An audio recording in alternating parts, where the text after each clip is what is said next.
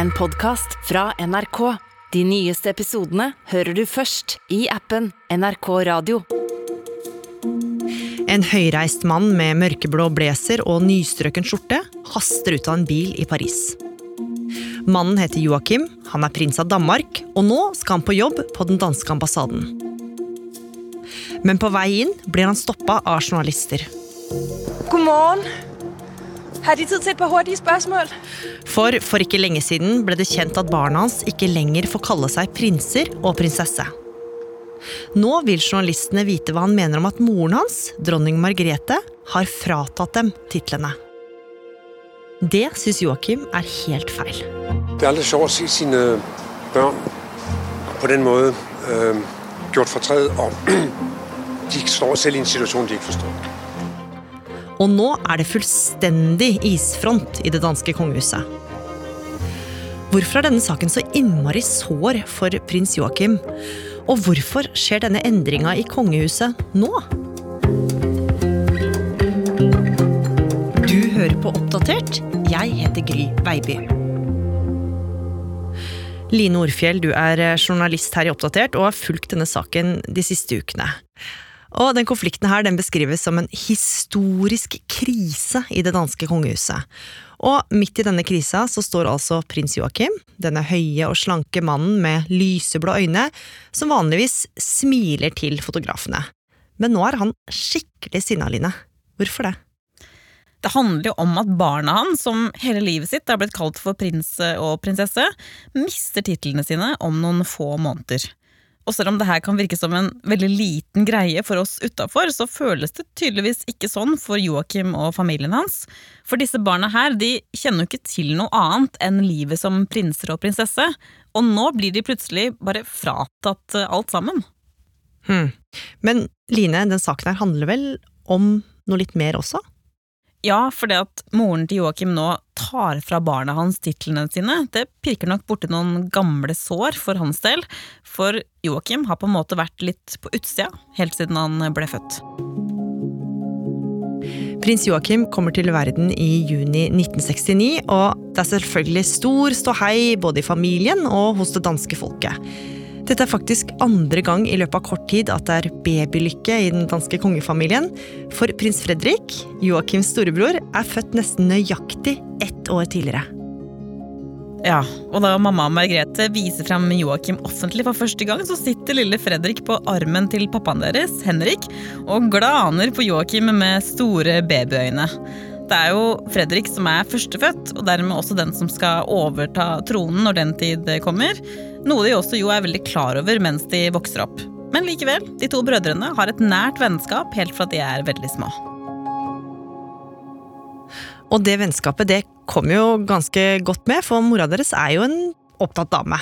Ja, det kan du si. Kronprinsesse Margrethe er allerede ganske dedikert når det gjelder sine plikter som kongelig, og snart så blir det enda mer jobb på henne, for helt i starten av 1972, da Joakim og Fredrik fortsatt er veldig små, så dør morfaren deres, altså kongen av Danmark. Kong Fredrik den 9. er død. Lenge leve Hennes Majestet, dronning Margrethe den anden. Var det den tillid, der vistes min far, også bli meg til del? Når det her skjer, så er Margrethe bare 31 år gammel. Hun har nettopp mista faren sin. Og nå kommer hun ut på balkongen med gråten i halsen for å fortelle at hun er klar for å overta tronen og jobbe standhaftig for det danske folk.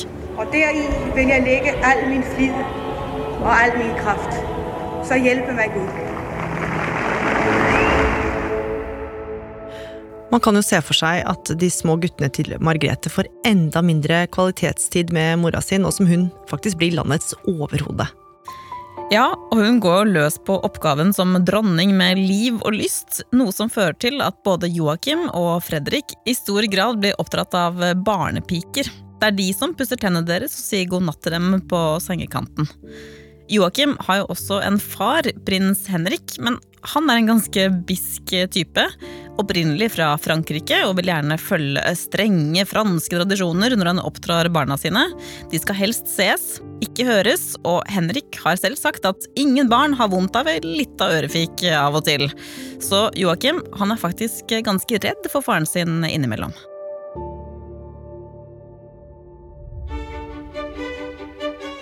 Og unge prins Joakim fortsetter i det franske tradisjonelle sporet, for som tenåring så tilbringer han et år på en kostskole i Normandie, før han kommer tilbake til Danmark for å fullføre videregående, eller gymnasie, som danskene sier. Ja, det gjør han, og etter hvert så reiser han også til Australia, hvor han jobber på en gård i ca. et eh, halvt år. Og det valget av arbeidsplass det er jo ikke tilfeldig, for Joakim har nemlig lyst til å utdanne seg innen landbruk og økonomi, noe han også gjør. Ja, og etter at Joakim er ferdigutdanna noen år seinere, så får han en praktikantstilling i et kjempestort danskeid rederi, noe som blant annet innebærer at han tilbringer en del tid i Hongkong. Og der, en kveld som han er i staselig middagsselskap, så treffer han en ung dame som snart skal bli ganske viktig for ham. Dette her er en sprudlende dame som heter Alexandra. Hun er datter av en britisk-kinesisk forretningsmann. Og hun blir faktisk overtalt av en venninne til å være med på denne festen eh, den kvelden. Og det skal hun ikke angre på, for å si det sånn, for hun og Joakim de finner tonen ganske fort. Og Joakim blir faktisk så begeistra for Alexandra at han velger å dumpe kjæresten sin hjemme i Danmark og satse fullt og helt på henne istedenfor. Og selv om man kanskje skulle tro at det er kronprins Fredrik som er førstemann ut med å gifte seg, siden han tross alt er storebror, så skjer altså ikke det. For en kjølig novemberdag i 1995 er det duka for storslått bryllup mellom Joakim og Alexandra i Fredriksborg slottskirke. Fra alteret kan Joakim se sin Alexandra føres opp kirkegulvet av faren sin, ikledd en langerma brudekjole med et flere meter langt silkeslør på slepp. Vil du have Alexandra Christina Manli, som hos deg står, til din ekte hustru? Ja.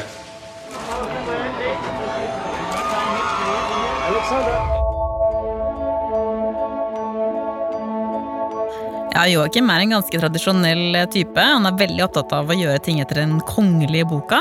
Og det er viktig for ham at alt kommer i tur og orden. Altså først bryllup, så skal man falle til ro, og så barn. Og sånn blir det, for ekteparet flytter inn i Schackenborg slott i en liten landsby som heter Møgeltønder, flere timer utafor København, like ved grensa til Tyskland, faktisk. Og etter noen år som mann og kone her, så får paret sin første sønn, prins Nikolai. Etter hvert så får de også en gutt til, prins Felix. Mm. Men selv om familien stråler på de offisielle bildene, så kommer det stadig noen små drypp om at det kanskje ikke bare er fryd og gammen hjemme hos dem. Nei, for ryktene skal ha det til at Alexandra savner det urbane storbylivet hun gang hadde. Nå bor hun jo ute i en liten landsby i Gokk. Og det sies også at hun og Joakim lever ganske adskilte liv. Og kanskje så er det nettopp derfor at han drar alene når han en kveld i 2004 blir invitert til en middag hvor det sitter en mørkhåra fransk kvinne ved bordet. Hun heter Marie, og siden prins Joakim er en av få som snakker fransk i denne middagen her, så ender de opp med å prate hele kvelden, bare de to.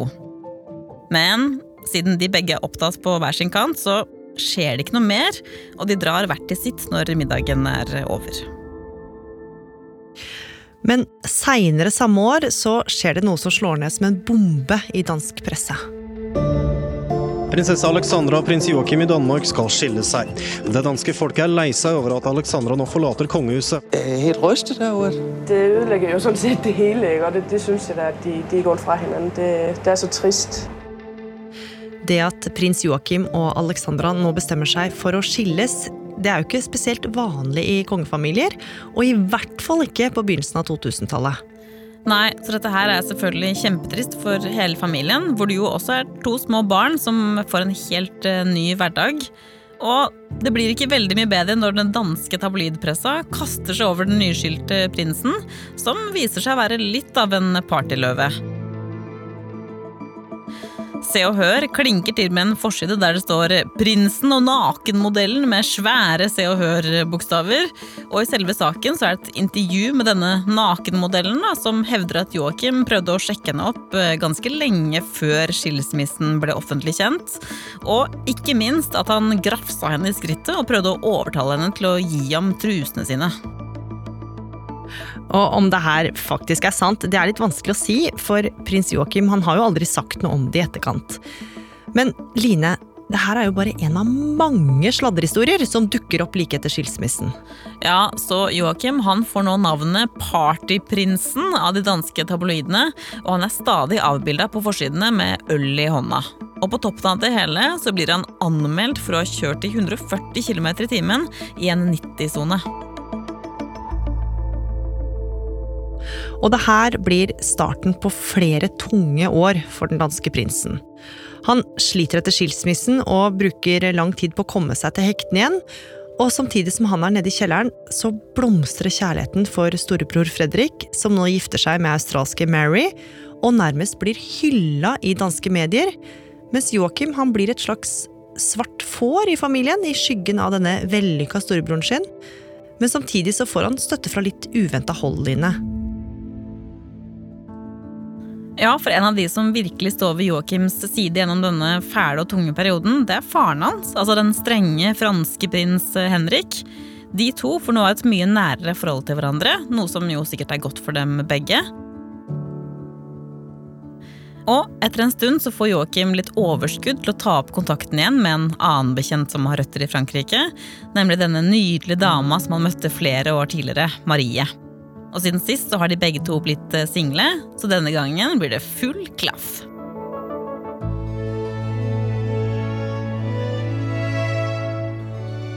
Og i mai 2008 så blir det igjen folkefest i gatene.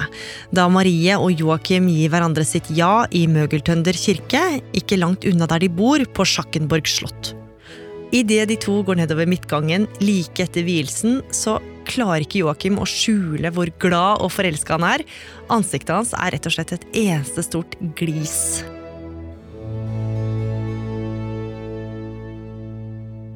Og nå, Line, starter en ny fase i prinsens liv. Absolutt, for Marie og Joakim de stifter familie. De får to barn, prins Henrik og prinsesse Athena. Og i 2014 så tar familien et viktig valg. For etter mange år på Schackenborg slott velger Joakim å avslutte hele driften der. Den offisielle forklaringa på dette er at det er vanskelig for Joakim å kombinere slottsdriften med alle de andre pliktene han har som prins, og at det å flytte til Kjøben det er det beste for familien hans akkurat nå.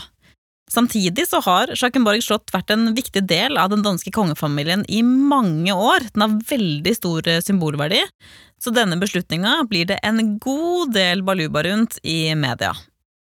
Men det skal snart vise seg at København ikke blir siste stopp eh, uansett, for noen år seinere blir det nemlig kjent at Joakim og familien forlater Danmark og flytter til Maries hjemby, Paris.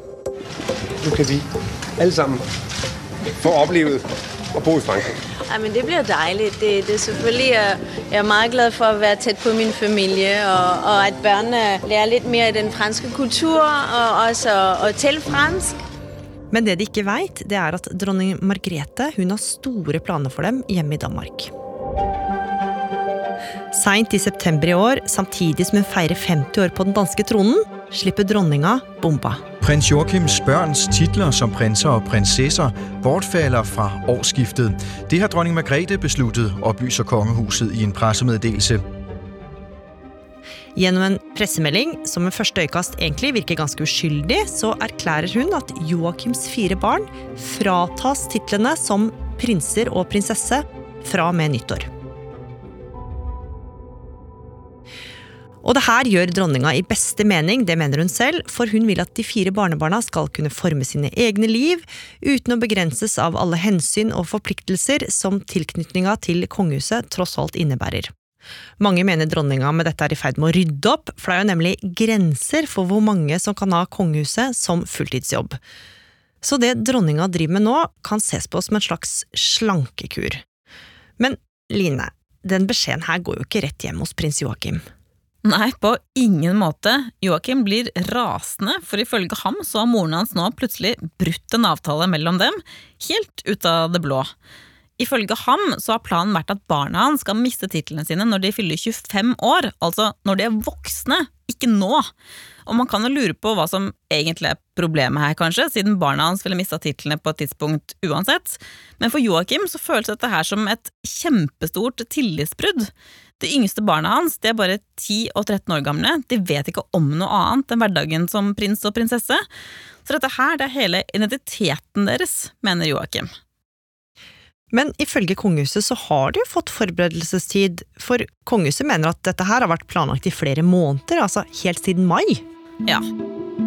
Men det er også Joakim helt uenig For når journalistene tropper opp utafor ambassaden i Paris, der han jobber, så smeller han til med en ganske klar og tydelig beskjed.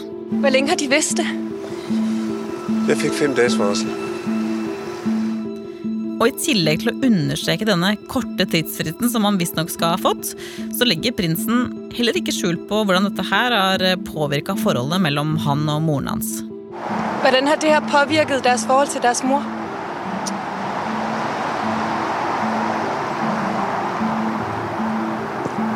Det tror jeg ikke jeg behøver å utdype her. Og mens den iskalde stemninga sprer seg gjennom kongefamilien, raser debatten blant danskene. Det er, det er de eneste sådan risser i lakken, der har været i de sidste 20-25 år i kongehuset. De har alle sammen drejet sig ikke om ydre trusler mod monarkiet, Nu- men, men, men indre familiære kriser. Jeg tror, de er rystede over, at øh, dronningens yngste søn står på gaden i Paris og er ved at tude. 11 er jo et lavere tal end 25. Ja. Hvad tænker du umiddelbart om det? To, apati. Jeg er ret ligeglad med det, ja. det er netop fordi jeg foragter kongehuset. Yes. Men det stopper jo ikke her.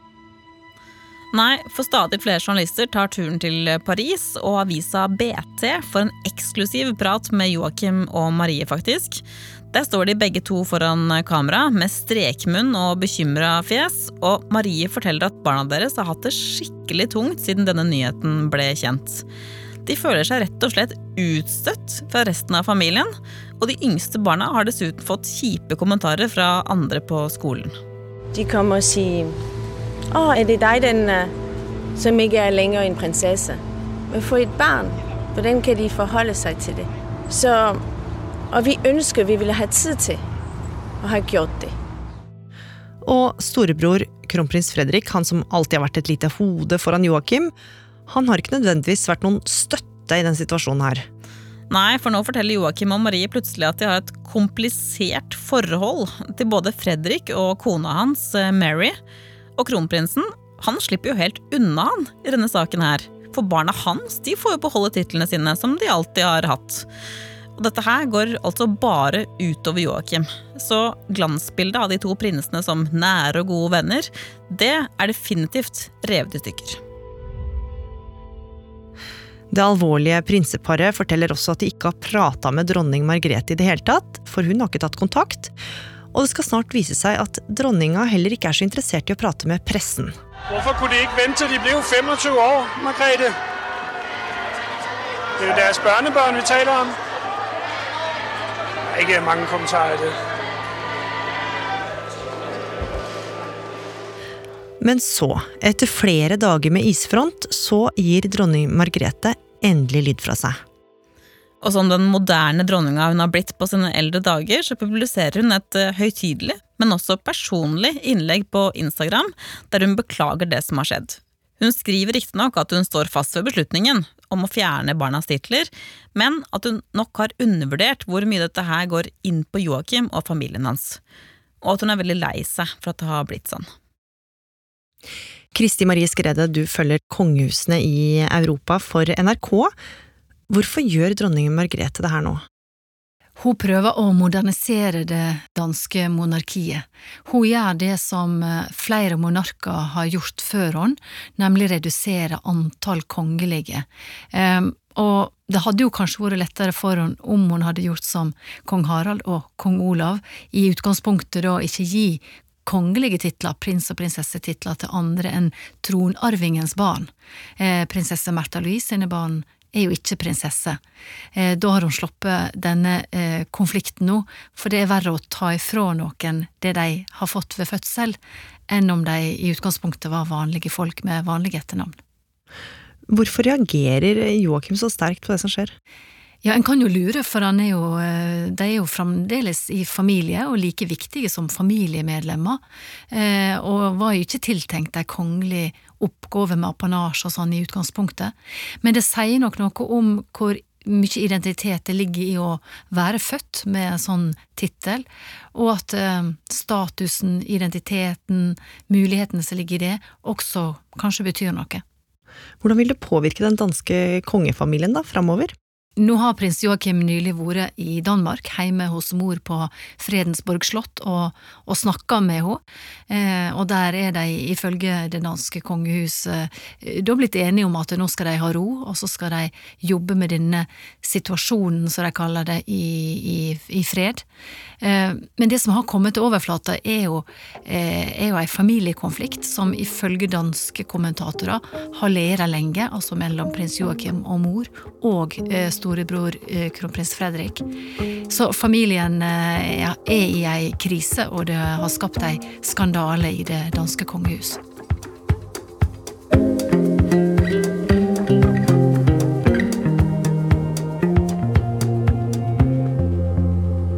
Oppdatert er en podkast fra NRK Nyheter, og denne episoden den er laga av Line Orfjell.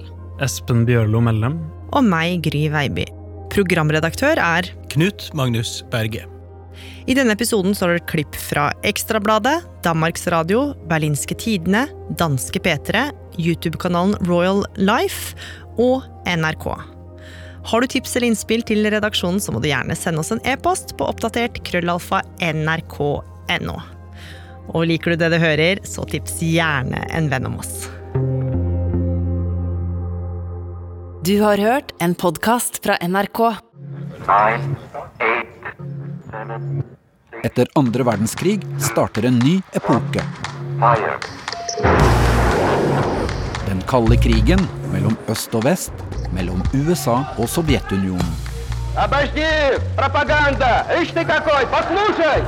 Hvis det kommer noen over grensen, så skal dere skyte dem.